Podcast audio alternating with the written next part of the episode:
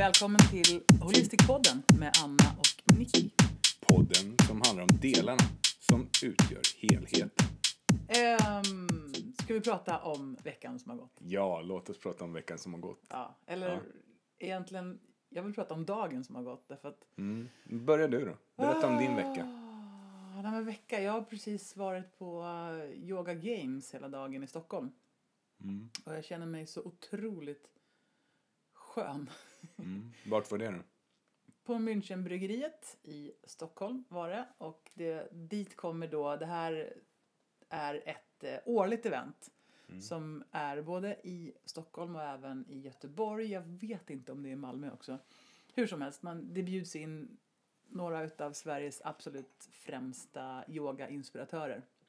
Men det kommer väl lite folk utomlands ifrån ibland också? Absolut, absolut. Det är folk både från Sverige och från utomlands. Mm. Och eh, så bjuds det, jag tror det är fem eller sex pass varje en och en halv timme. Men du, för de som är lite så här uh, beginners och är lite osäkra på vad yoga är. Vad är det för någonting? Är det religion och är det jätteflummigt och konstigt liksom? Blir man mer en sekt bara för man kör yoga eller?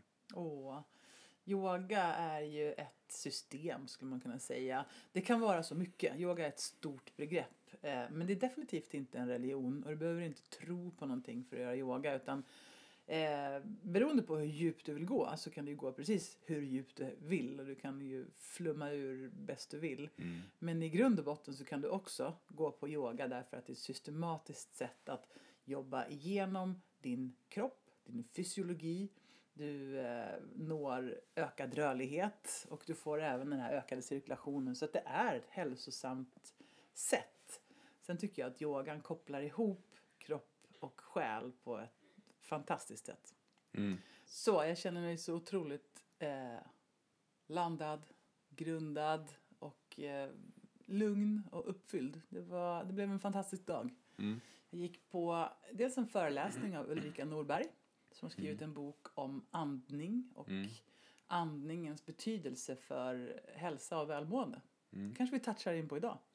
Mm. Ja, det borde vi verkligen. Mm. Verkligen. Eh, och sen höll hon ett fantastiskt eh, roligt yogapass. Det- Hon var väl den som var namnet på power yoga i Sverige kan man säga när det kom Ja, hit, eller hur? verkligen. Så, Ja. var det. så var det. Vi träffades på workouten där jag jobbade för länge sedan Mm. som koordinator och hon kom dit då och var instruktör och var väl i stort sett, vad jag vet, den enda som kunde poweryoga i Sverige. Mm. Det hade börjat växa till sig. Det här var väl 97, 98 någonting sånt. Mm. Mm. Eh, och det hade liksom börjat, eh, man hade börjat ana trenden. Men det Mm. fanns ingen i Sverige som kunde det här. Men Nej. Ulrika kunde det. Och Mm, eh, coolt. utbildade också mig i poweryoga faktiskt. Mm. Så det var jättekul att ses igen. Och Mm. det var två jättefina timmar tillsammans med Ulrika. Och sen fick jag vara med om, vad hände sen? Ja, En fantastisk veganlunch. Eh, och, men det är en massa utställare och grejer och det är kläder och det är oljor och det är yogamattor och det är lite roligt att Ja. flumma runt Ja. där. Och, ja. Skön miljö. Alltså Ja. det är ju lite mysigt där också. Ja, men det är en skön miljö, det är ett fantastiskt ställe, utsikten är liksom grym. Det är ju Münchenbryggeriet med Mm. utsikt över stadshuset där och vattnet Ja. och ja men det är jätte, jättemysigt. Sen var jag på Jenny Liljefors. Först en föreläsning om yogans helande krafter. Mm. Eh, gripande. Hon har också skrivit en bok och den tycker jag verkligen, den vill jag köpa. Mhm. Och sen hade hon ett pass som var just healing yoga och det var, det var obeskrivligt bra. Du berättade att hon hade en klass också som var lite inriktad på ångest och psykisk ohälsa. Så. Hennes föreläsning började med att hon berättade om ett trauma hon hade varit med om vid 15 års ålder när hon hade varit med om en gruppvåldtäkt. Fy fan. Och det fruktansvärda trauma som hon gick och bar på så länge och hur hon sen hittade yogan som ett sätt att hela och läka sig själv. Och det här Och det här man kommer till det här flummiga tror jag. Alltså hur kan man förklara det för folk som tänker att yogan då, vadå är det liksom något magiskt? Åh, och för mig är det helt oflummigt. Mm. Jag tänker via, alla... Ja men det är ju så här, via kroppen accessar du dina känslor. Du, du behöver röra på kroppen för att komma åt dina känslor. Mm. Vi pratar om eh, muskelminnen, vi pratar om sådana saker. Och, ja, eh, det var en gripande föreläsning och det var väldigt, väldigt starkt. Och efter det så hade hon då en yogaklass. Och det var första gången som jag stötte på, för jag har så länge själv stött på patienter som har eh, oro, ångest och stress. Stress kommer vi prata om senare idag. Eh, som utvecklar i stort sett identiska spänningar. Och de spänningarna sitter nästan alltid från bröstkorgen och uppåt. Det är väldigt mycket spända nackar, det är huvudvärk, det kan vara yrsel och sådana saker. Och Jenny adresserade det här i sin yogaklass genom att då jobba med muskulaturen i precis de här områdena. Och då förstår jag att man kan accessa delar av det obehag som man upplever när man har ångest och posttraumatiska stresssymptom.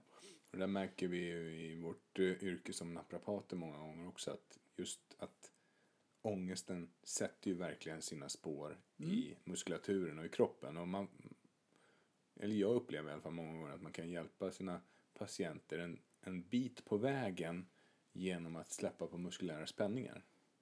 Ja, Och det, verkligen. Och det kan också göra att folk blir lite mer öppna för samtal kring det också. Ja, och det, det är det här som är grejen. Det här är grunden till varför vi gör den här podden. Det är ju att det går inte, men vi har jobbat så länge och det rullar alltid in på helheten. Man har en patient som har ont i nacken och absolut, ibland så är det liksom en snabb justering och så är det bra. Men, men oftare är det ju så att det ger sig inte riktigt. Nej. Och man kan prata med personen i fråga och säga, är du stressad? Nej, nej, jag är inte stressad. Men efter ett tag så kommer det ju fram att personen är visst är stressad. Men den kanske inte ens vet om att det här den upplever kallas för stress. Exakt. Och Det fysiologiska responsen i kroppen är att skruva upp muskeltonusarna och så vidare. Hörru, nu håller vi på att springa Ja, förväg. Exakt, nu pratar du bara om din vecka. Och det handlar egentligen bara om idag. min dag. Ja, men men du- dagen var fantastisk. Det, var, det var meditativt, det var lite halvflummigt. Jag har suttit och stirrat rakt ner i en matta jättelänge. Och det var precis vad jag behövde då. Så det var Mm. Ja, men jättebra. Du då? Ja, men grymt. Men du, vad har hänt i veckan då för dig? Du kan ju ändå fortsätta lite grann. Vad har du gjort i veckan då? Oj, Mm. minns jag ens det? Vad har hänt i veckan? Jag har haft fantastiska samtal med de människor som jag träffar i mitt jobb. Mm. Coaching, KBT. Mm. Vad har hänt mer? Jag vet inte. Måndag, tisdag, onsdag. Jag, jag minns inte. Du var med kidsen. Jag har varit med barnen. Mm. Ja just det, du var ju bortrest. Ja, du var bortrest så Skönt jag, ändå att var, göra avtryck. så jag var själv med barnen. Det är jättemysigt Mm. att vara själv med barnen. Det är väldigt speciellt. Det blir en speciell grej. Mm, jag gillar det. Ja. Eh, Mm. Din så vecka då? Det var det. Ja, men min vecka, den... den Du var ju bortrest då. Så. Ja, jag fyllde år i söndags Mm. förra veckan. Och eh, tisdag, onsdag, fredag, eh, tisdag, onsdag, torsdag så var jag egentligen iväg på jobb. Vi skulle åka tillsammans egentligen, men det blev inte så. Nej. Jag var uppe i Funäsdalen för sista eh, sessionen av eh, ledarskapsutbildning där jag är kursgivare då för ICA-skolan som heter Affären, människan och ledaren. Så det är 16 stycken ICA-handlare som är så jäkla trevliga och fina och bra. Eller faktiskt en från en administrativ chef också från kontoret. Ehm, och, och min, min del i det här är kropp och knopp egentligen, mitt, mitt eh, tema. Så min dag handlar om att vi gjorde lite tester, fysiologiska tester, men sen så på eftermiddagen så hade jag ett föredrag som handlade om den ledande hjärnan och ett hälsosamt självledarskap. Som var en introduktion till neuroleadership egentligen, neuroledarskap. Hur Det- blev det då? Vad tyckte de? Ja, men, ja, jag hoppas att de tyckte att det var jättebra. Jag tyckte jag fick bra kontakt. De jobbar så himla bra. De är... Jag, sen jag började jobba med de här nu, det är det tredje året jag går in på. Eh, och jag är imponerad av ICA-handlarna faktiskt. Man får säga vad man vill, men de, är, de, är, de har jobbat hårt. Du, det är jag med. Av Ja. det du har berättat av, av de ICA-handlare som jag har träffat och känner själv. Mm. Så det ligger definitivt hårt jobb bakom det som de Ja, uppnår sen. det är inte bara svänga, eh, slänga upp en ICA-butik och så hoppas att det löser sig, utan det Nej, är mycket att tänka på. ja det är Så- imponerande. Ja, så det är kul. Så var det med Dennis Westerberg där också. Ni kan lyssna på, på deras podcast också om ni vill. Och han har skrivit en bok som heter Bara en tanke till exempel. Den är riktigt bra. Idag Mm. ska vi prata om ett ämne som är stress. Ja. Och jag tycker att det här är spännande. Jag, jag vill inte prata om det här eh, på ett gammalt tråkigt sätt. Ja, men då kan vi väl göra ett statement redan nu att vi inte pratar om psykisk ohälsa utan vi pratar om psykisk hälsa.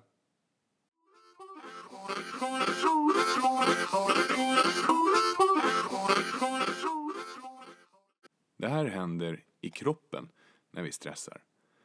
När hjärnan tolkar en situation som hotfull larmas det sympatiska nervsystemet blixtsnabbt. Det sympatiska, icke viljestyrda nervsystemet är en del av det autonoma nervsystemet som styr andningen, blodtryck och puls, sådant som vi inte kan påverka med vår egna vilja, helt enkelt. Olika stresshormoner som kortisol, noradrenalin och adrenalin utsöndras från binjurarna och skickas ut i blodet. De har till uppgift att se till att puls och blodtryck höjs och att det finns tillräckligt med socker och energi till musklerna och hjärnan för kamp-flyktreaktionen. Vi blir mindre känsliga för smärta och blodet koagulerar fortare. Blodflödet dirigeras om så att musklerna och hjärnan får mer blod medan matsmältningen, huden och andra organ som inte behövs för kampen på liv och död får mindre. Och det här händer i hjärnan när vi stressar. Kronisk stress leder till förändring i hjärnan, det vill säga när stressen har pågått under väldigt lång tid. Kronisk betyder inte att det inte går att behandla, utan bara att det har varit pågående under en längre tid. I vår hjärna finns runt 100 miljarder nervceller som är sammankopplade i stora nätverk, neuronala nätverk. Nervcellernas uppgift är att ta emot, bearbeta och skicka iväg signaler. För att hjärnan ska fungera krävs att kommunikationen mellan nervcellerna fungerar bra. I studier på djur har forskare visat att förbindelserna mellan nervceller dras tillbaka vid kronisk stress, vilket leder till att kommunikationen försämras.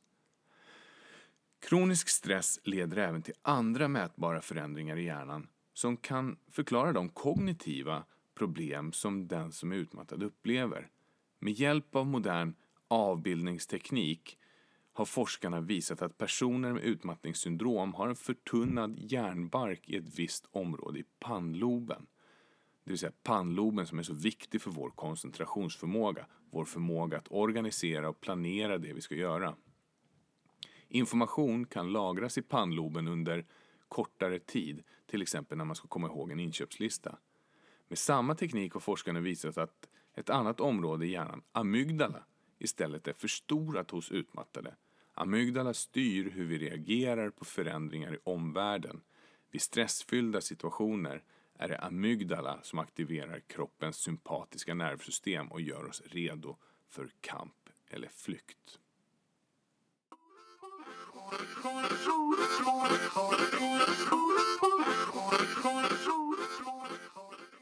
Nej, nu förstår jag inte alls.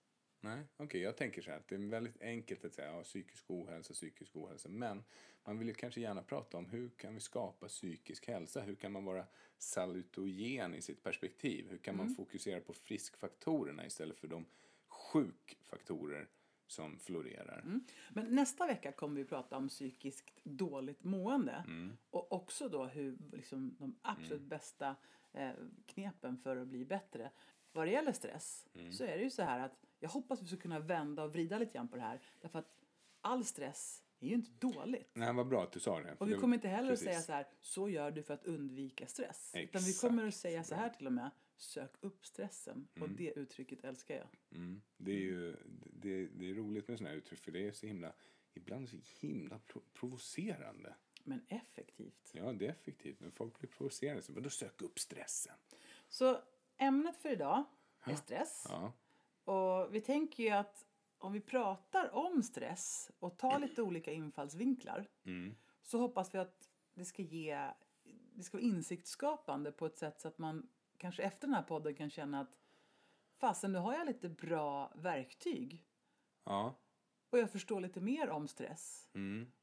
Och jag tror att när folk får lite bättre koll på hur man kan dela med vardagsstressen mm då får man ju mer energi över. Ja. För stress tar ju energi. Ja, men så är det ju. Absolut. Det tar ju på krafterna. Så igen då, det vi vill sikta på det är att skapa mer energi. Mer, mer flow. Mer engagemang. Ja, mera känsla, en större känsla av sammanhang. Mm. Kassan. Mm. En bättre feelgood-känsla i livet helt enkelt. Mm. Så det vi vill att folk ska ta med, oss här, ta med sig härifrån idag det är ju några handfasta redskap och en känsla för do and don't. Alltså det här kan man göra och det här kan man låta bli att göra. Mm.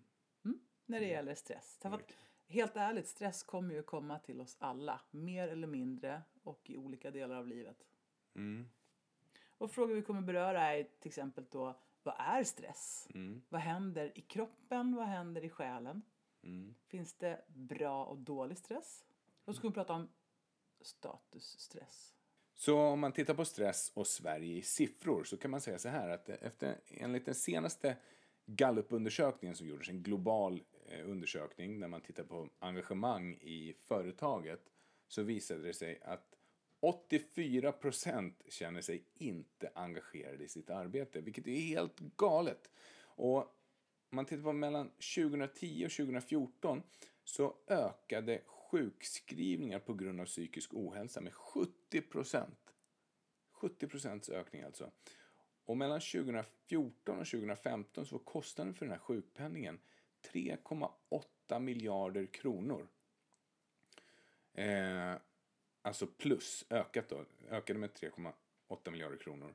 Och kostnaden för sjukpenningen var 31,5 miljarder kronor i Sverige. Det, det innebär ju helt enkelt så att vi har inte råd att ha folk sjuka längre. Vi måste fokusera på att hålla folk friska. Och det här är ju så intressant därför Ja. att det är ju, om man tittar på det personliga lidandet Mm. så kostar ju det så mycket. Det kostar liv, det kostar energi. Men likt förbaskat så är det ekonomiska siffror som ska till för att man ska börja ta tag i det. Ja. Så när man får siffrorna serverade på det här sättet Mm. och ser hur mycket pengar det faktiskt kostar för alla inblandade, Mm. då blir man motiverad att ta tag i problemet. Mm.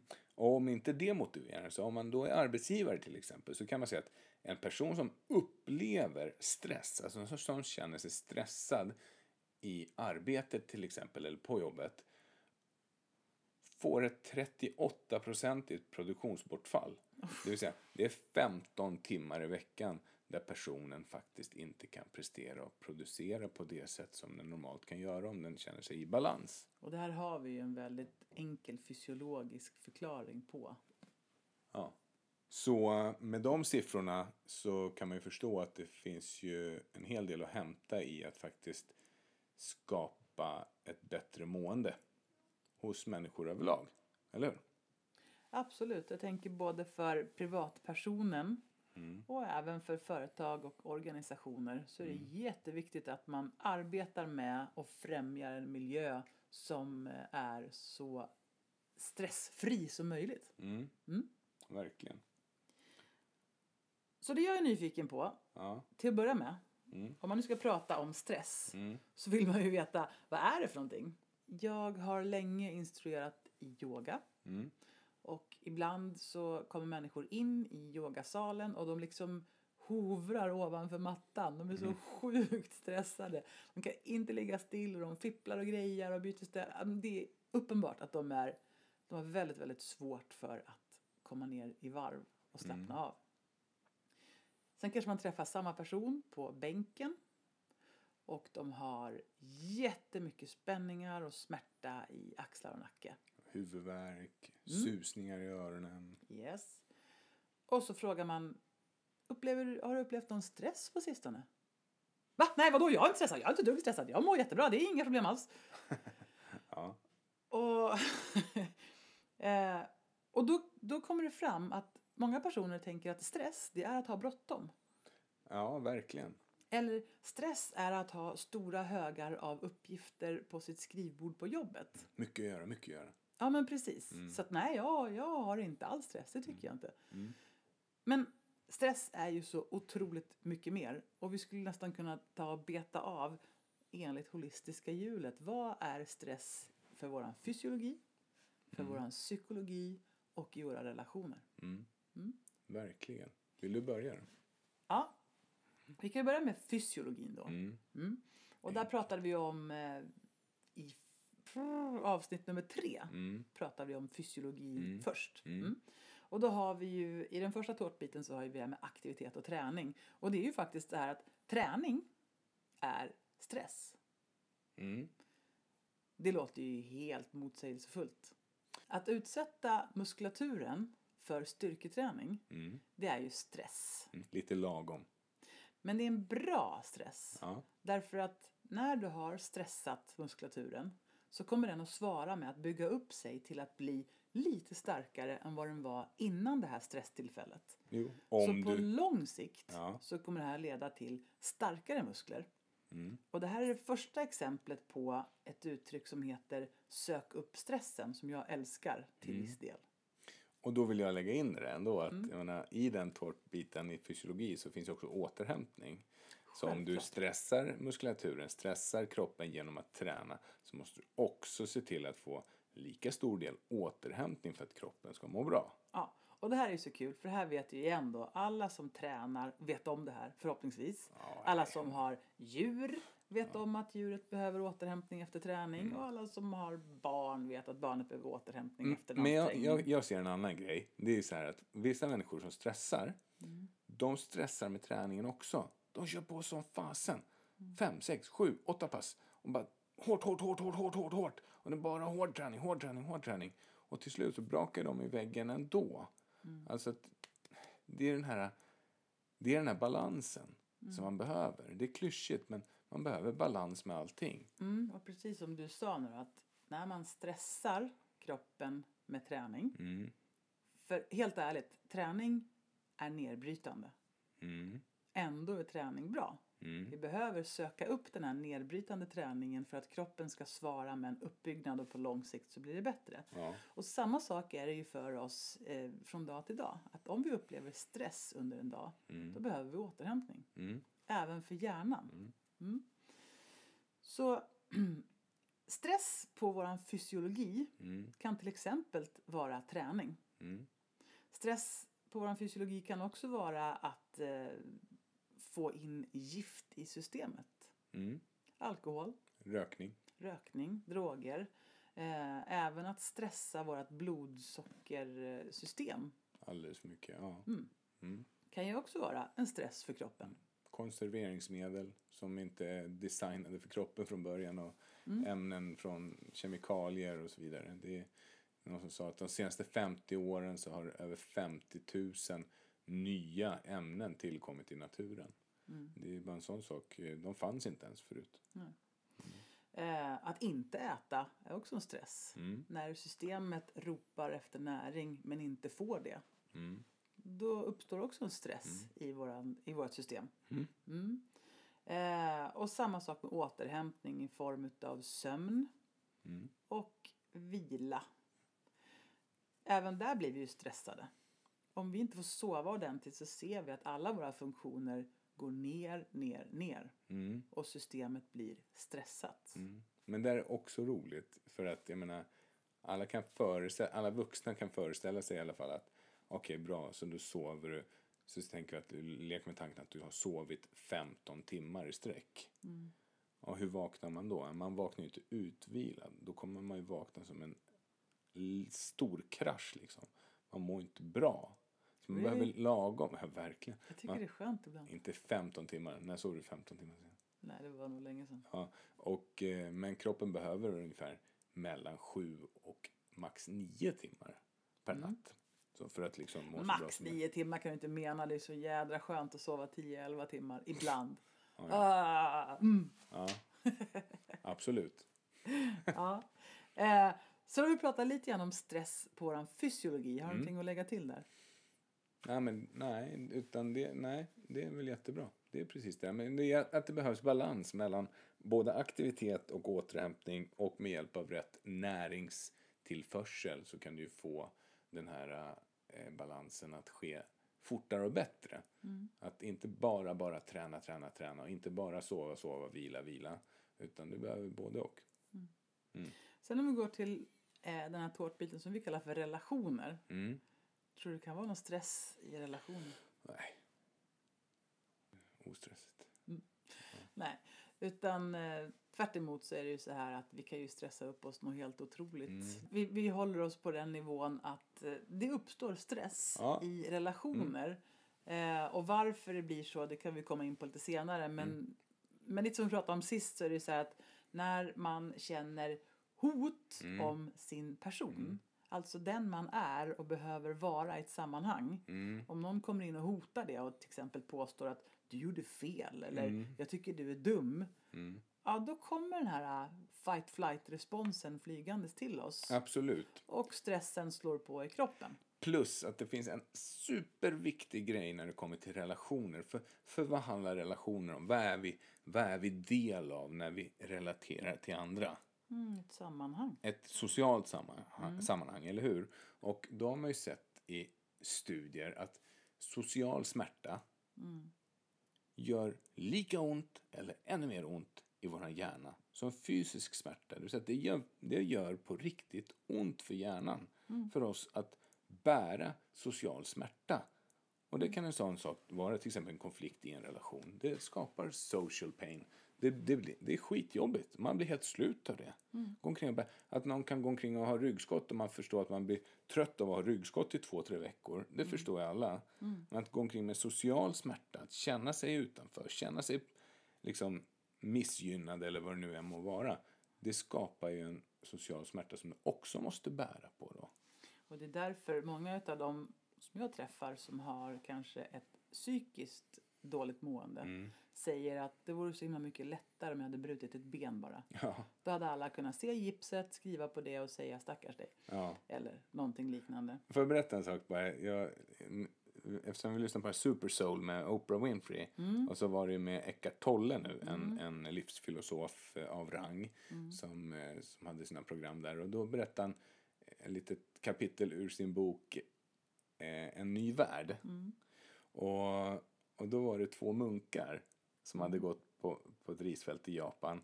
Och så var det en, det var liksom en geggig eh, väg där och sen så lite längre fram, de, de hade fem timmar att gå till sitt kloster där. Och sen lite längre fram så såg de en geisha som skulle gå över den här vägen. Och eh, då gick den ena munken fram eh, till geishan och bar henne över vägen så att hon inte behövde smutsa ner sig. Och så gick de fem timmar till klostret i tystnad. De sa inte ett ord till varandra. Och när de kom innanför klostrets murar så öppnade den andra munken eh, munnen och sa eh, hur kunde du göra så där? Du får inte göra så. Eh, hur kunde du bära hur kunde du bära den där kvinnan över vägen? Och då sa den andra munken Oj, har du burit henne hela vägen hit? Jag släppte av henne på andra sidan vägen för flera timmar sedan. Och just det där att bära de här känslorna och eh, minnen och sånt av det förflutna inom oss skapar distress. Alltså det skapar en stress i vårt system. Vi kan få stress i våran fysiologi. Mm. Vi kan uppleva stress i våra relationer oavsett om det är någon man inte kommer överens med på jobbet. Det kan skapa stress. Eh, chefskap, oavsett om man själv är chefen eller om man har en chef, kan ju uppenbarligen orsaka väldigt mycket stress. Mm. Det vet ju du och det vet ju jag. Verkligen. Det är en knepig situation. Ja. Relationer till familj Ja. skapar bitvis jättemycket stress. Verkligen. Oavsett om det är med små barn eller stora barn eller ehm, partners eller eh, uppväxtfamiljer. Mm. Det kan gnissla och det kan skava om man har en god intention. Man vill att det ska bli bra och det blir inte bra och då blir man stressad av det. Mm. Mm. Och sen har man den här relationen till sig själv. Mm. Och den kan man uppenbarligen uppleva väldigt mycket stress i beroende på vilka krav och förväntningar man har på sig själv. Ja, och det är lite knepigt tycker jag att komma åt personligen, tycker jag. Men generellt sett kan man ju säga att de allra flesta som, som vi träffar går ju inte omkring och är superschyssta med sig själv. Nej, det, och det är märkligt det där, för att jag menar, det borde ju vara självklart, men och så är det inte det ändå. Utan man, man har en del av sig själv som skriker efter uppmärksamhet och man vill verkligen, ja, man vet att jag borde verkligen göra så här, jag borde verkligen tänka så här, jag borde verkligen vara på det här viset, men så är man inte det ändå. Jag tror att förutom att fysiologin alltid är kraftfull och kommer först, det vill säga du kan lätt och enkelt påverka eh, stressnivån i fysiologin, Mm. Så tror jag att den största nyckeln till att få ner stressen Mm. ligger i relationen till dig själv. Tror du det? Det tror jag verkligen. Att det tror är att- eget ansvar som gäller 100 procent? Jag tror att man behöver titta på sina förhållningssätt Mm. till sig själv och därmed till andra och till resten av världen och allt du gör. Mm. Och kan du skruva lite grann på de där vreden och reglagen då tror jag att du kan komma ganska långt i din stresshantering. Men jag tror att om du inte tittar på dig själv och dina inre krav och förväntningar då blir det svårt Mm. att få en effektiv stresshantering. Så vad har vi sagt då? Det finns alltså yttre eh, stressorer, saker som kan ske utifrån, saker och ting som är runt omkring dig. Det kan vara jobb och fritid och ja, sjukdomar och så vidare. Och sen har vi också inre stressorer och det är de här jag-relationsmässiga sakerna eller det som dina tankar, dina känslor, dina beteenden. Jag skulle komma in på det, att den sista tårtbiten som vi har, den stora delen i holistiska livshjulet är ju psykologin. Mm. Och där vi har tankar, känslor och beteenden. Mm. Och det är ju egentligen relationen till jaget, det vill säga vad är det jag går och tänker från dag till dag? Mm. Vilka känslor ger det här upphov till? Mm. Och de känslorna i sin tur sätter ju fart på hela den här äh, responsen i kroppen. Ja. Stressaxeln helt enkelt. Mm. Och det här kommer att leda till ett visst beteende och ge ett visst resultat. Mm. Och det är ju ganska solklart egentligen. Mm. Någonting händer. Beroende på vem du är, var du kommer ifrån, vad du har med dig i din ryggsäck i livet. Mm. Så kommer du tolka det här på ett visst sätt och det kommer antingen att ge upphov till en tanke som är mer positiv. Mm. Eller så kommer det ge upphov till en tanke som är mer negativ, det vill säga en potentiell fara eller hot. Mm. Och så fort som den tanken har kommit, då sätts stressresponsen igång. Ja. Och då är vi där. Mm. Och det här med stress och hot och fara, det har ju en tendens att bygga nedåtgående spiraler. Mm. Stress och oro förstärker vidare stress och oro. Ja, och det, det, ja, precis. Och det gör ju dessutom att vi blir mer och mer och mer reflexstyrda. Alltså vi tänker ju mindre och mindre och mindre egentligen. Reflekterar mindre och mindre och mindre. Vilket gör att vi, om man ska generalisera så blir vi dummare och dummare och dummare ju mer vi stressar. Mm. Vilket gör att vi inte kommer på så himla bra lösningar heller. Nej, Det, det är lite knepigt det där.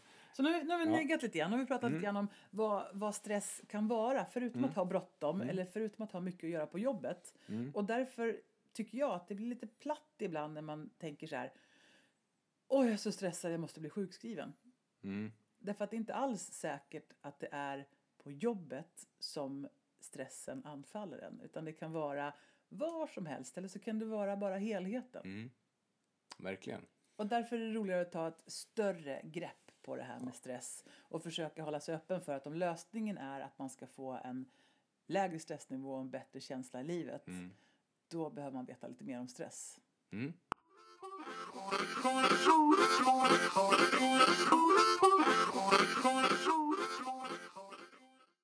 Så var med nu och notera om du själv upplever att du har haft eller har eller lider av någonting av det här som jag nu kommer att läsa. Du är trött på morgonen även när du sovit länge och ostört flera nätter i rad. Du har svårt att somna på kvällen, vaknar tidigt på morgonen utan att kunna somna om. Du har svårt att koppla av och varva ner. Du känner dig likgiltig för vad som händer omkring dig, nedstämd och orolig. Du har svårare att koncentrera dig. Du får dåligt minne. Du känner av ångest. Du har lätt att fastna i negativa tankar. Du blir lätt irriterad och otålig över småsaker. Du får ont i magen, spänningshuvudvärk eller hjärtklappning. Du känner dig stel, spänd och får ont i kroppen. Du känner dig uppgiven och trött och undviker därför sociala kontakter. Du tappar lusten för sex. Du får infektioner lättare och oftare. Du känner svårare att andas ordentligt. Du upplever att tiden inte räcker till och höjer därför tempot ytterligare. Du väljer bort vila, fritid, nöjen och kontakt med släkt och vänner på grund av tidsbrist. Och du behöver alkohol, nikotin, koffein eller sömnmedel för att orka med vardagen eller ta till fett och socker som en tröst. Det här är alltså från Stressforskningsinstitutet, Stockholms universitet och Mayo-kliniken som de här eh, tecknen kommer ifrån. Och om du känner igen åtminstone ett av de här tecknen så kan jag berätta att alla de här tecknen är tecken på överstress, det vill säga när stressen har gått överstyr. Inte normala stressreaktioner utan du har stressat för länge. Annars uppkommer inte de här symptomen och ju fler du tickar av desto större behov har du av att titta på det här.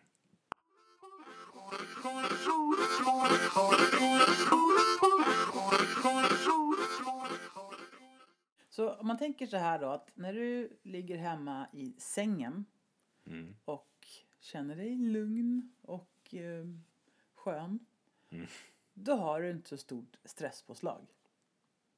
Och så kliver du upp och så kanske du tar en kopp kaffe och det är fortfarande ganska så lugnt. Mm. Eller hur? Mm. Och du duschar och klär på dig. Och sen kommer du på att jäklar! Tåget går om tio minuter. Ah! Där kommer ett stresspåslag. Mm. Och det är funktionellt. Mm. Ditt system behöver vakna till och skärpa sig för att vi ska hinna med tåget och hinner vi inte med tåget så riskerar vi att det går dåligt på jobbet och så vidare. Och så vidare. Mm. Mm. Eh, det här är ju normal stress mm. i en normal människas vardag. Mm. Man skyndar sig till jobbet eller man skyndar sig till tåget och förhoppningsvis så hinner man med tåget och så kan man pusta ut och så går stressnivån ner igen. Mm. Och du kommer till jobbet och du träffar dina kollegor och så kommer chefen in och säger du den här rapporten, mm. har du den? Mm. Oh, då kommer du på att du har glömt att skriva rapporten.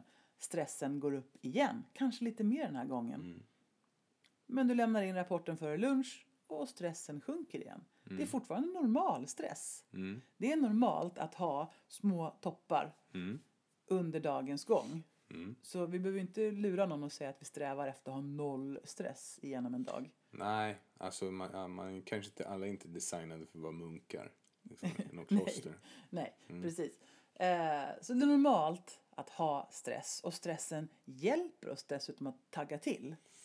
Den är ju livsnödvändig egentligen. Alltså den är till, om, om, vi inte har de här stresshormonerna så skulle vi inte vakna på morgonen till att börja med. Nej, men om vi börjar med till mm. exempel, eh, låt oss säga en höjdhoppare. Mm. Som står där och har blivit uttagen till OS-final. Ja. Nu stiger ju stresshormonerna, helt mm. klart. Mm. Och tack och lov, får man väl ändå säga. Därför att utan det här påslaget av stress så skulle vi inte skärpa oss så pass mycket så att vi kan prestera. Vi kan alltså med hjälp av stresshormoner hitta våra peak state för att prestera på topp. Mm. Mm. Och idrottare, mer än många andra människor, är väldigt, väldigt duktiga på att hitta den här piken. Mm. Därför att om stressen blir, om stresspåslaget blir för högt, då kommer du att prestera sämre. Mm.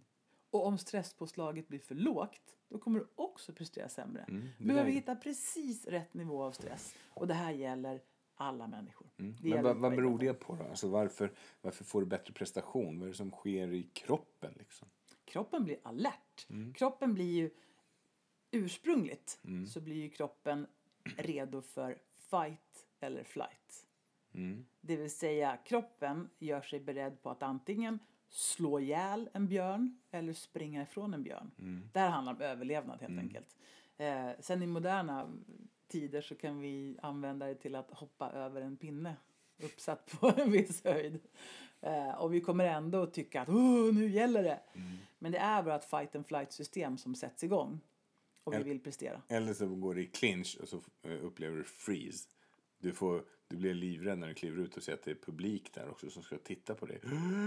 Mm. Vet du, på den här föreläsningen som jag var på idag, mm. hon som var med om ett trauma. Mm.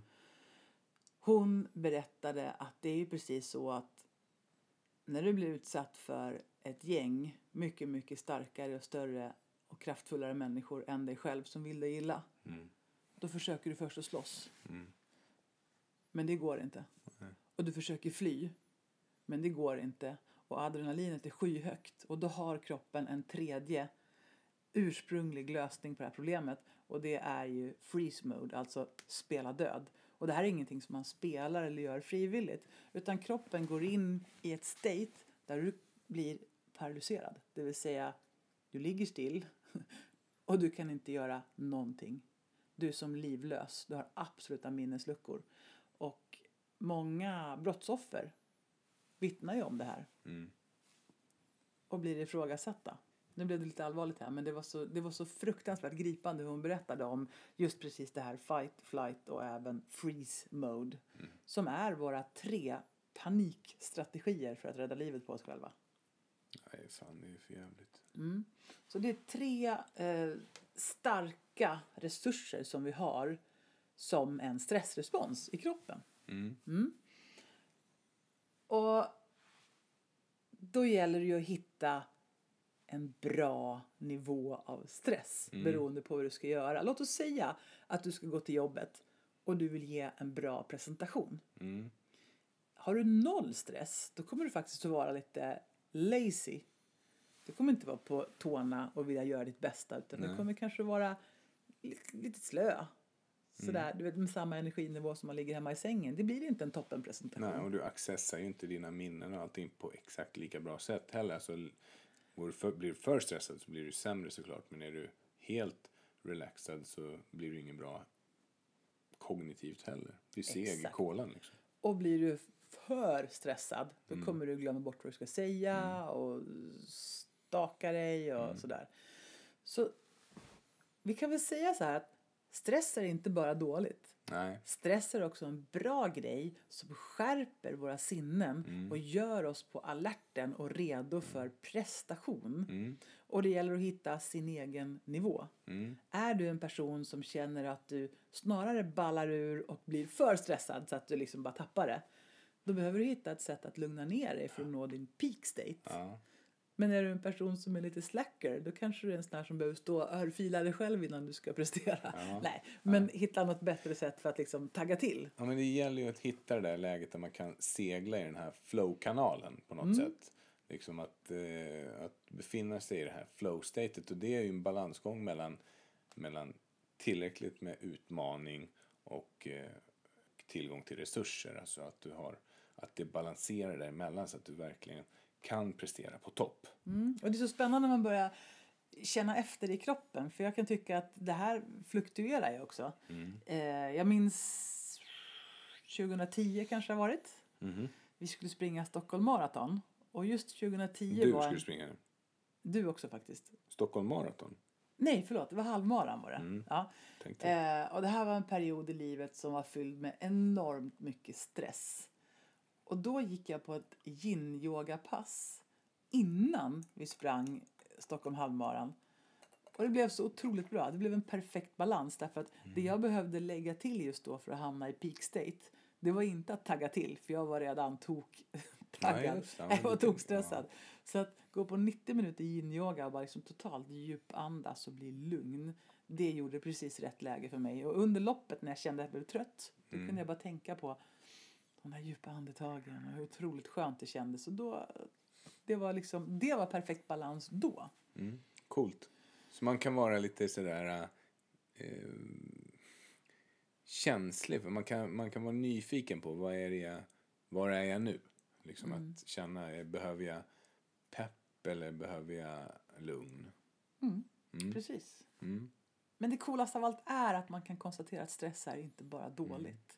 Sen har vi pratat om att vi har ju då det här fight flight systemet och att det är det vi accessar när, när stressnivåerna stiger. Mm.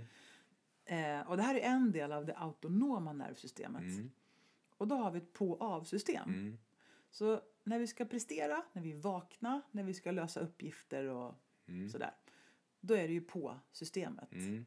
Och det innebär att hjärta och kärl jobbar lite bättre. Mm. Vi skulle kunna vara beredda att springa eller slåss.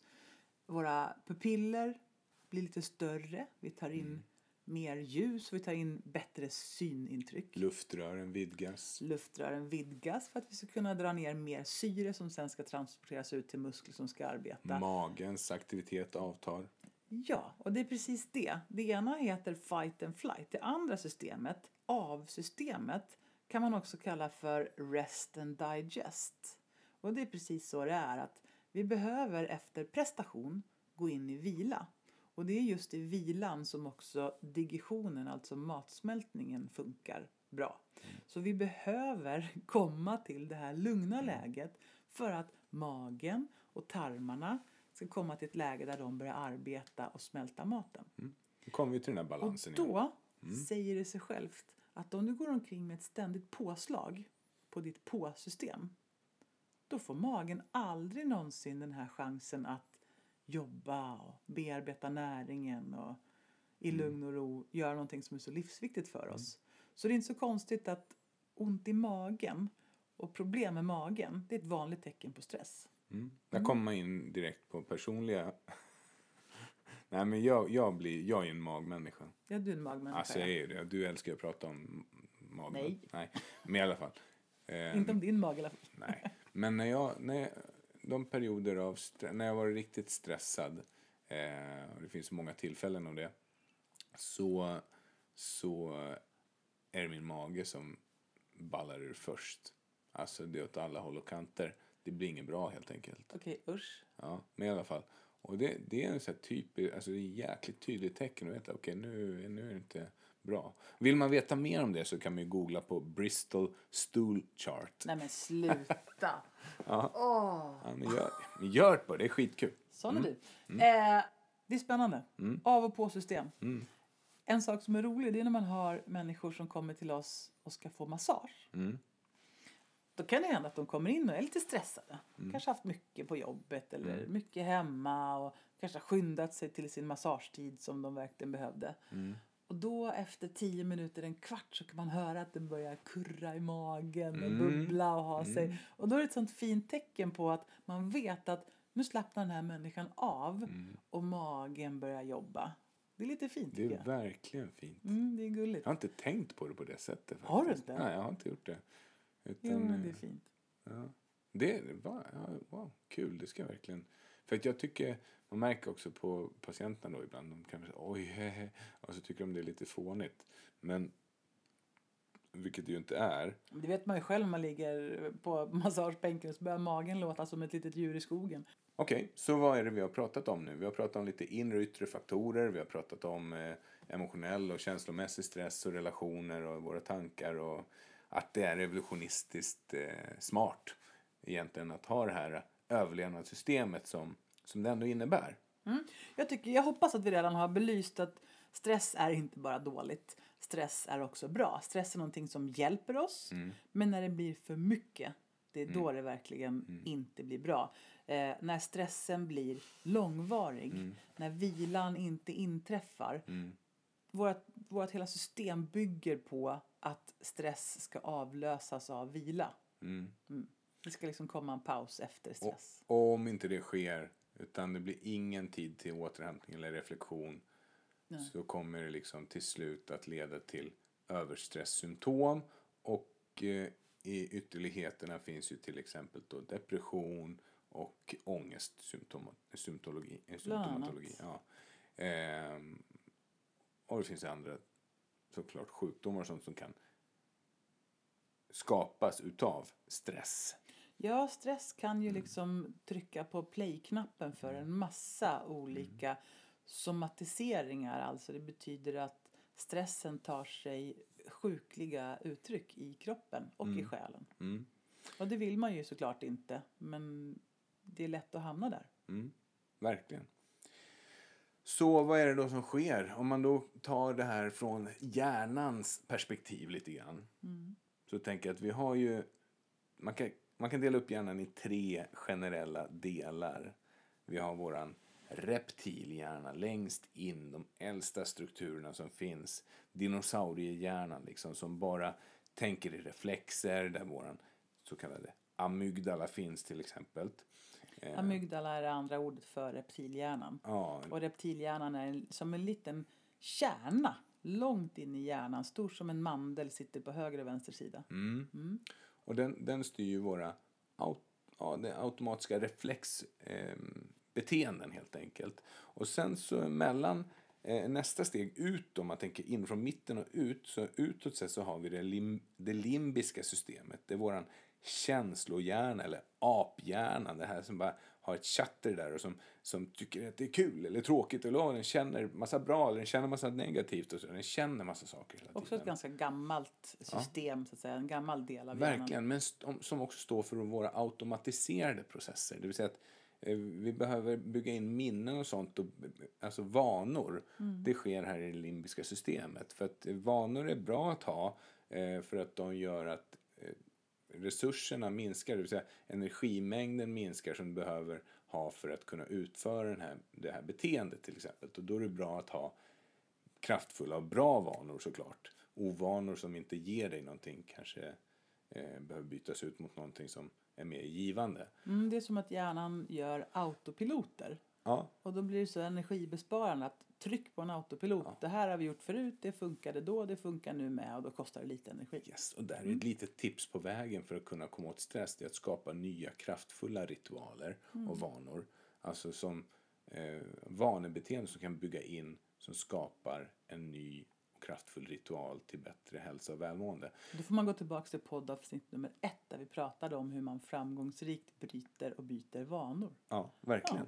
Snyggt. Och sen längst ut då så har vi då den tänkande människohjärnan och framkanten av det här neocortex som det heter eh, så har vi ovanför ögonen och vid tinningarna, framför tinningarna där så har vi det som kallas för frontalloberna och prefrontala cortex. Här skapar vi då reflektion och nya tankar. Eh, det intressanta med det här det är att för att vi ska kunna komma åt stressen, för att vi ska kunna minska aktiviteten i amygdala så måste vi aktivera prefrontala cortex. Och nu är vi ju säkert ute och fluffar på en ganska abstrakt nivå. Ja, men alla Men har en hjärna så här, ändå så man kan väl ändå försöka det. hänga med. Alla människor har ju ett huvud och någonstans inne i den där huvudskålen så har vi alla den här blobben. Den stora, stora blobben, hjärnan, som rymmer allt du någonsin vet, kan, har varit med om och till viss del allt du kommer att vara med om. Ja, I alla fall möjligheter till det du kommer att vara med om. Så alla har en hjärna. som består av fett och protein. Ja, och precis den är ju ganska slibbig och sladdrig när man väl får ut den. Och ändå det mest fantastiska vi någonsin känner till. Ja, den tar 20 procent av vår ämnesomsättning. Mm. Minst. Ja. Eh, och den här hjärnan sköter ju så otroligt mycket saker som vi inte ens behöver tänka på överhuvudtaget. Och sen pratar vi då om att hjärnan har olika delar som sköter olika funktioner. Eh, och vi pratade om den främre delen som är den mer ska man säga då, smartare, nyare delen av hjärnan som rymmer personlighet och Logik på- och Ja. sådana saker. Den, den inre är inte så logisk liksom. Nej, och om vi då pratar om den här reptilhjärnan. Mm. Det är ju den som går bananas när man får för mycket stress. Mm. Och reptilhjärnan, den har ju en livsräddande funktion för oss. Mm. Den söker efter hot och faror och snabba lösningar på de här. Mm. Så att, eh, för mig till exempel, om jag ser en orm Mm. Då är det så här, det finns inga särskilt farliga ormar i Sverige. Så man behöver inte bli livrädd. Ändå hinner jag inte tänka innan jag hoppar högt och skriker gör jag kanske inte. Men det, det skulle min mamma ha gjort i alla fall. Mm. Och då är det reptilhjärnan som har varit i farten. Den har inte ens frågat prefrontala cortex, alltså frontalloben, Nej, om vad den tycker. nej. Utan först kommer en snabb lösning. Och sen kanske man tillfrågar den andra hjärnan. Eller vad tycker du? Verkar det här vara farligt? Nej, det är inte farligt. Det där är en snok. Du behöver inte bekymra dig. Så reptilhjärnan är snabb som sablar. Mm. Och ganska basic. Mm. Och det är där fight, flight eller freeze. Yes. Så om du till exempel inte är så reflekt reflekterande utav dig Mm. och någon säger någonting störigt till dig. Mm. Då är det lätt att man svarar med reptilhjärnan. Mm. Men du då din dumma jävel! Mm. Verkligen. Och då vet man att då har man inte varit så reflekterande. Då har man mest bara gått rakt in i reptilhjärnan och blivit arg och klippt tillbaks med en kommentar. Mm. Och eh, lite grann i series, eh, det är lite, det där är lite, det är lite jobbigt det där för att ju mer av de här andra stressorerna som finns runt omkring dig och ju mer du tänker om dina tankar om att du är stressad och så vidare desto mer aktivitet skapas i amygdala och desto mer reflexstyrd blir du. Så det, om du har tidigare episoder i ditt liv där du har hanterat stress på ett visst sätt, mm. då lagras de här som automatiserade processer, vilket gör att när du sen utsätts för stress som är jobbig, då kommer du liksom i en fingerknäppning reagera reflexmässigt så som du har alltid gjort kring stressade situationer. Mm. Så för att kunna bryta det där så måste du dels kunna koppla på frontalloben i hjärnan så att du börjar tänka. Men du måste också bryta det rent beteendemässigt. Mm. Du måste ändra dina beteenden. Och det är enklare att ändra sina beteenden om man är medveten om det. Mm. Och det i sig är svårt. Ja. Men man kan ju också säga så att ju större hotet verkar för en, mm. desto större stressrespons kommer det att komma i kroppen. Ja, mm. så är det ju.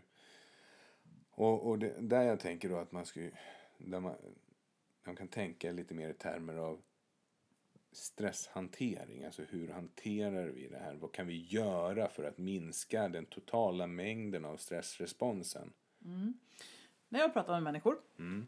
Så tittar vi ofta på, då är det oftast med människor där stressen har gått väldigt långt eller för långt. Mm. mm. Till exempel att man har utvecklat olika psykiska dåliga måenden som eh, utmattningsdepression, ångest, panik och sådana saker. Mm. Och då, då är ju stress en naturlig del att titta på. Mm. Och då är det egentligen två delar. Mm. På ett sätt så är det så här. Hur kan vi minska dosen av stress varje dag? Därför att om stress, stress, stress, stress, stress, stress, stress leder mm. till olika sjukdomssymptom, då behöver vi försöka få ner stressen. Mm. Mm. Men det handlar inte bara om att börja undvika saker. Utan då är, det, då är det två olika delar. Vilka saker kan vi försöka eliminera? Vilka saker är onödiga? Vilka saker kan du prioritera bort? Mm. Det är ju liksom att ta bort saker. Men också, i vilka fall behöver du söka upp stressen för att få en minskad signalering från hjärnan om att det här är farligt, det här är hotfullt, det här är stress. Mm. Så det handlar lika mycket om att skala av som det handlar om att faktiskt söka upp för att dämpa signalerna av hot. Ja, för det är som att säga till någon så att, som har mycket att göra på jobbet, så säger nej men du, gör ingenting nu utan lägg allt åt sidan, mm. lägg dig i hängmattan och läs en bok i en vecka. Mm. Gör ingenting. Mm. Grejen är att då efter när den här veckan har gått då har man ju ännu mer på sitt bord att göra. Och då kommer vi in på en annan sån här favoritgrej.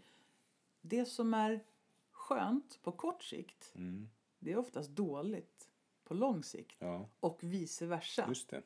Att om det är jobbigt att göra precis nu så är det oftast så att det är en bra lösning på lång sikt. Mm. Det, det, måste ju inte i och för sig vara så svart eller vitt. Därför vi har två system i vår hjärna. Vi kan kalla dem system A och system B. System A söker efter snabba belöningar eh, kortsiktiga lösningar och system B söker liksom långsiktiga lösningar eh, på de här problemen. Men det bästa är ju om man på kort sikt kan lösa det och att det på lång sikt ger ett bra resultat också. Mm. Då har man ju nått en liksom peak state på något sätt. Att det här blev bra direkt och det kommer också gynna min framtid. Mm. Men problemet är att om vi ställs inför ett hot som är på lång sikt och en belöning på kort sikt så är hotet för abstrakt och då väljer vi den kortsiktiga lösningen för att det känns mer attraktivt och det ger snabbare belöning. Mm. Vi kan ju ta ett exempel då. att Om jag pratar med en människa mm. som säger att eh, jo men jag håller på, jag har tre olika hobbys. Mm.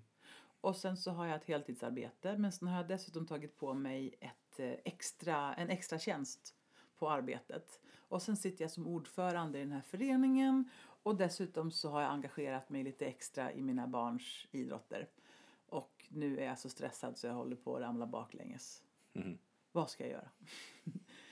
Mm, då då ja. känns det ju självklart att det är en god idé att gå in och prioritera lite grann. Ja, exakt. vilka utav de här aktiviteterna ger dig energi och glädje? Mm. Och vilka kan faktiskt få stå tillbaks en stund? Där kan vi skåra dem också. Alltså, Absolut, man säger här- hur- 1 till 10, liksom, hur mycket glädje ger det här dig? Och sådär. Mm. Verkligen. Ibland gör man massa saker för att man vill vara så himla schysst och snäll och bidra till en bra Mm. värld. Det är jättefint men Mm. man måste orka med själv också. Mm. Mm. Sen kan en annan del av stressen då vara att och varje måndag så måste jag hålla måndagsmöte inför min personalgrupp. Mm. Och det här stressar mig så mycket. Mm. Och då är det ju tveksamt, ska man då säga ja men strunta i att hålla dina måndagsmöten? Eller ska vi söka upp stressen? Alltså ska vi se till att gå dit och låta det hända och låta stressen inför de här jobbiga tillfällena sjunka och gå ner med lite olika redskap naturligtvis.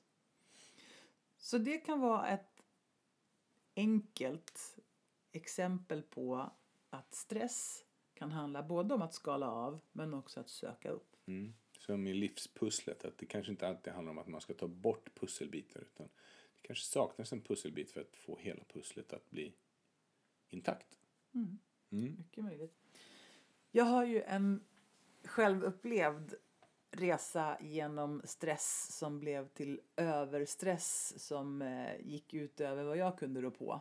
Mm. Och i nästa avsnitt så tänkte jag berätta lite mer ingående. Jag berättar i stort sett vad som helst om det kan hjälpa någon. Men det slutade med att stress, stress, stress ledde till olika åkommor i kroppen som ledde till ångest, panikattacker, utmattningsdepression och den här läskiga platsen i livet där man känner jag vill inte dö men jag orkar inte leva så här. Och har ni någon i er närhet som är i närheten av att ha kört på för mycket eller om du själv är där så se till att lyssna in på nästa avsnitt för det är, eh, det är viktigt. Och skaffa professionell hjälp. Ja, Det är mer än viktigt. mm, Och det hjälper. mm, Mm. det gör det verkligen. Ja, otroligt. Ja. Fantastiskt bra. Vi har Du, pratat lite om stress, vi har pratat om att det Ja. är bra, vi har pratat om att det är dåligt, vi har Mm. pratat om att det är en eh, medfödd naturlig respons i vårt system mm, för att rädda livet på oss. Och Mm. lustigt nog så gör det inte alltid det, utan det skälper oss ibland. mm, Ja, det är så, lite glitch där.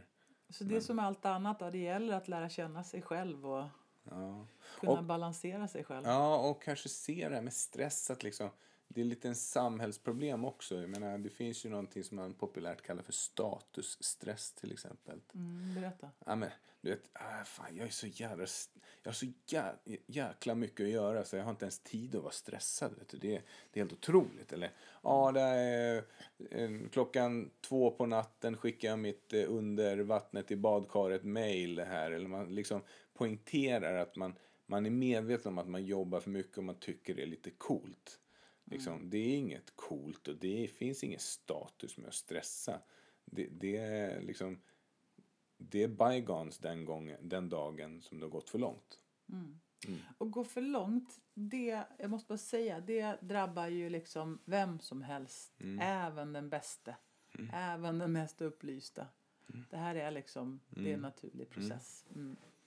Så så är det med stress. Så, men det, å, å andra sidan så är det så här, det finns mycket man kan göra. Och jag kan tycka att det var en bra sak för mig att stöta på överstress för jag fattade inte.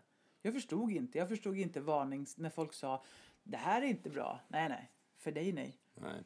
Det sista jag tänkte innan jag totalt kollapsade det var jädrar vad jag är bra. Jag verkar klara av tre gånger så mycket som alla andra. Coolt! Och inte behöver jag sova heller. Koko. Sen gick det Ja. inte bra. Ehm, men det finns mycket man kan göra. Dels för att komma tillbaks. För tillbaks kommer man. Mm. Mm, det tar lite tid, men man kommer tillbaks. Och när man har sett, antingen man har sprungit hela vägen in i väggen eller om man är så smart som man förstår innan att det här vill jag inte vara med om. Mm. Så finns det väldigt många bra saker man kan göra för att hitta en bättre balans i livet och inte få överstress. Mm. Ska vi bjussa på några bra exempel? Ja, verkligen. Så några bra handfasta tips och råd om man känner att man har stress, eller framförallt överstress i livet, är ju att ta en ärlig titt på hur det ser ut. Kanske göra en prioriteringsordning och försöka rensa lite grann i röran. Behöver jag verkligen ha sju hobbys och vara ordföranden i tre föreningar eller vad det nu kan vara? Kan jag sänka kraven på hur snyggt och rent och städat det ska vara hemma? Kan jag tona ner mina förväntningar på hur livet skulle, borde, måste te sig? Åtminstone för en stund när det känns som att jag har så mycket att göra. Det är en sak som är bra att göra. Om man känner att det nästan brinner inuti för stunden, om man känner att man har en hög stressnivå, då kan mindfulness eller medveten närvaro vara oerhört kraftfullt och effektivt. Kanske mer än vad du någonsin kan tänka dig. Är det svårt? Nej, det är det inte. Det är relativt enkelt. Du använder dina sinnen för att närvara vid det du gör. Det vill säga istället för att försöka lösa 20 uppgifter samtidigt i huvudet så försöker du närvara i det du gör för stunden. Gör en sak i taget och var med med dina sinnen i vad du upplever för någonting. Vad ser jag? Vad hör jag? Vad känner jag? Vad doftar jag? Vad smakar jag? Om det nu finns sådana inslag i din upplevelse.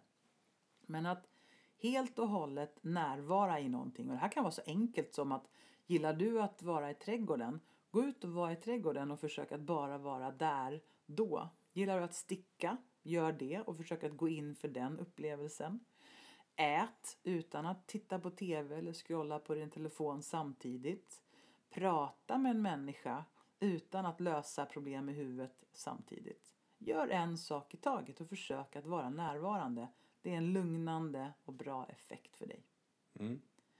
En annan sak som man kan göra när det är fullkomligt panik, det här använder jag mig av väldigt mycket, det är att använda sig av andningen. Av alla de sakerna som man har försökt att använda för att få en schysstare nivå i kroppen så har man sett att andetaget och andningen är oerhört viktigt och avgörande. Och ett enkelt sätt att landa lite mer i stunder när det är tokstressigt eller till och med fyllt av ångest och panik, det är att andas i fyrkant. Och det är jätteenkelt. Alla kan göra det. Du kan göra det när som helst, var som helst och hur som helst. Och det går till så här. Du andas in och räknar till fyra. Så du andas in, två, tre, fyra.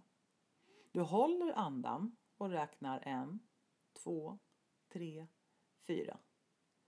Du andas ut två, tre, fyra och håller andan två, tre, fyra. Så du gör fyra räkningar där du andas in, håller andan, andas ut och håller andan.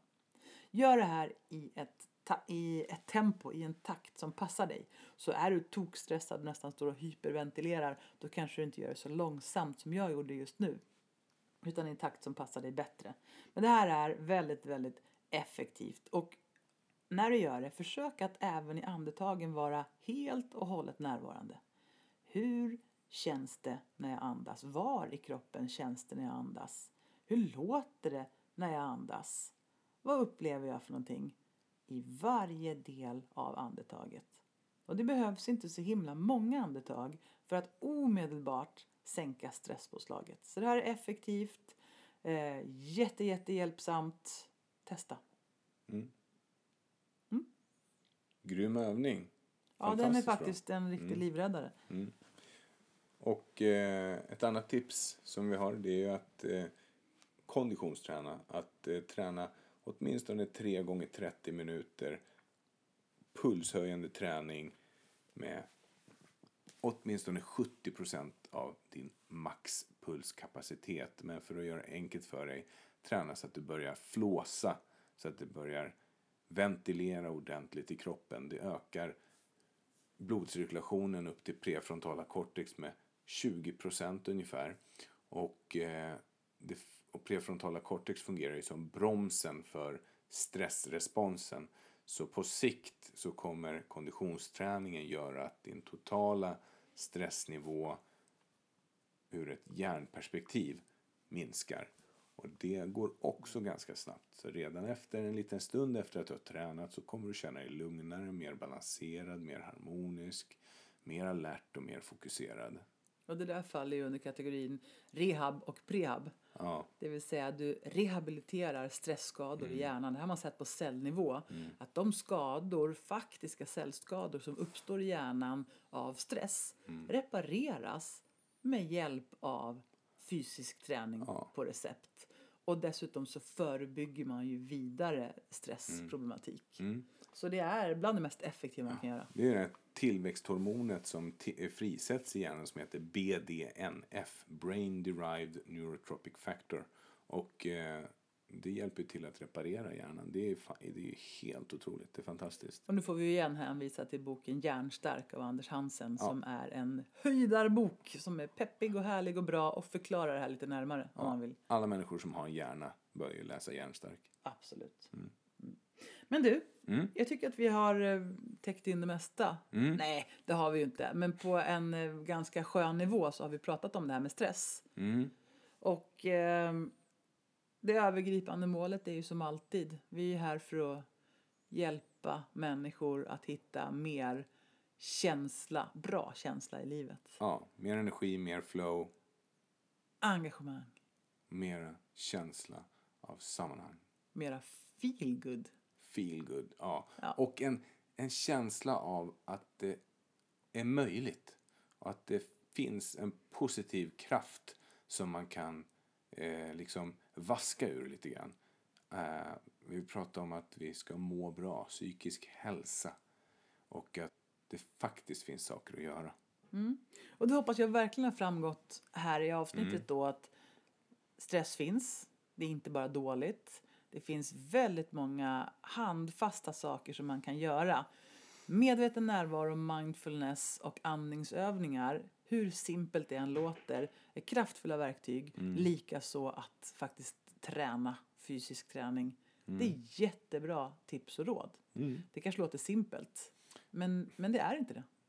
Nej, men egentligen så är det mesta, jag menar, det mesta handlar ju om de tankar du tänker och hur du väljer att tänka de tankarna för att liksom få till stånd de beteenden som du vill ha. Och det är ju faktiskt du som bär ansvar för det. Och där börjar vi tafsa in på ett nytt poddavsnitt egentligen. Nämligen, det du tänker om en given situation kommer ju påverka helt och hållet hur du tolkar det. Men det tar vi en annan gång. Ja, Ja, Men det var bara en tanke. tankeavsnittet. det var bara en tanke. Ehm, så att, Mm. om man nu har jättemycket stress i livet och bara känner att jag vill ta tag i det här. Vad är det första man kan göra? Då tycker man ärligt ska se över eh, sin, sin, arb- alltså sin vecka. Hur ser det ut från måndag till söndag? Vad är det man har instoppat i sitt liv? Vilka förväntningar har man? Finns det någonting som man kan stryka, ta bort eller för stunden inte ägna sig så mycket åt om det liksom gäller rent handsfast, mycket saker att göra. Mm. Och det andra är ju att se, är det, finns det någon stress som jag kan söka upp därför att jag behöver dämpa min oro och ängslan kring vad det här innebär? Mm. Finns det någonting som jag törs möta på det sättet och har möjlighet att göra just nu? Mm, just det.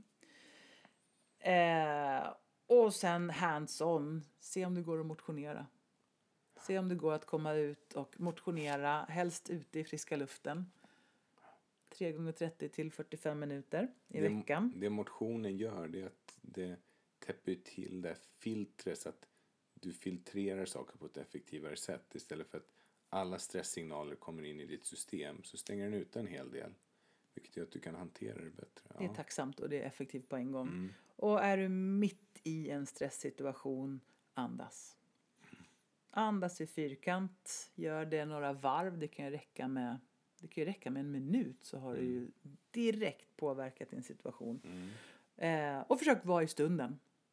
Mm. En stressad hjärna mår väldigt bra av att få göra en sak i taget och att få göra saker med händerna. Jag till exempel bru- brukar städa lådor när det känns alldeles så här, väldigande. Mm, Det gör du. Det är ganska gulligt när man kommer in och ser det. För då sitter du ofta på golvet och så har du spridit ut allt. Eh, och sen så sitter du och plockar in det. igen. Det är fantastiskt bra. Man tar en låda som man ändå skulle behövt ha städat för länge sedan och så tömmer man den och så häller man ut allting på golvet och sen får man sitta där och försöka se det där var en peng, det där är en penna, det där är en hygienartikel, det här är ett viktigt kvitto. Ja, och det är jätteskönt. Mm. Det funkar. Tips. Ja. Så eh, egentligen var nyfiken på vad som motiverar just ditt beteende och vad den positiva intentionen bakom det beteendet är. Så var nyfiken på vad stressen är. Och så tycker jag så här också.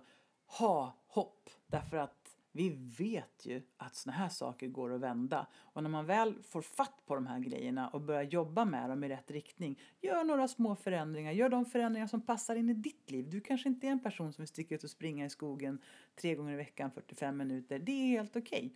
Gör det som funkar för dig. Men var säker på att när du börjar göra de sakerna som du kan committa till. Då kommer du att få eh, framgång. Sen är framgången inte spikrak, utan det kommer att vara bättre och sämre dagar. Eh, återhämtningen från stress och dåligt mående är inte spikrakt, men det går definitivt åt rätt håll. Så det finns massor av hopp, det finns massor med saker du kan göra och det är bättre tider väntar. Se till att du får sömn 7-8 timmar per natt helst. Den är bra, Den om är det går. viktig. Meditera för känslomässig och mental energi. Mm. Använd gärna till exempel Budhify-appen eller Headspace-appen eller någonting liknande om man gillar det. Calm, Calm är C-A-L-M. riktigt bra. Den är riktigt bra. Eh, så det finns många bra appar som man kan använda sig av nu. Eftersom vi lever i ett teknologiskt samhälle så dra nytta av det istället för att eh, bli stressad av det. Det finns riktigt bra saker. Och allra mest grundläggande är väl egentligen att piska inte på dig själv. Utan ge dig själv en kram. Var din egen bästa kompis. Ha self-compassion så ska du se att då är vi på rätt väg. Tyck om dig själv. Tyck om människor runt omkring dig. Gör bra saker. Fokusera 80% på lösningar. 20% på problemen. Så brukar det mesta lösa sig. Hej då! Hej då! Följ oss gärna på sociala medier på formholistic på Instagram eller på Formholistic Leadership på LinkedIn eller på Formholistic på Facebook. Ni kan också följa våran blogg, Holistic-bloggen, på www.formholistic.com Formholistic med ett C i slutet, .com. Kommentera, hör av er, kontakta oss, kommunicera med oss. Vi är jätteglada för alla fina kommentarer och recensioner som ni har givit oss. Så fortsätt med det. Hör gärna av er. Ha det bra. Hej!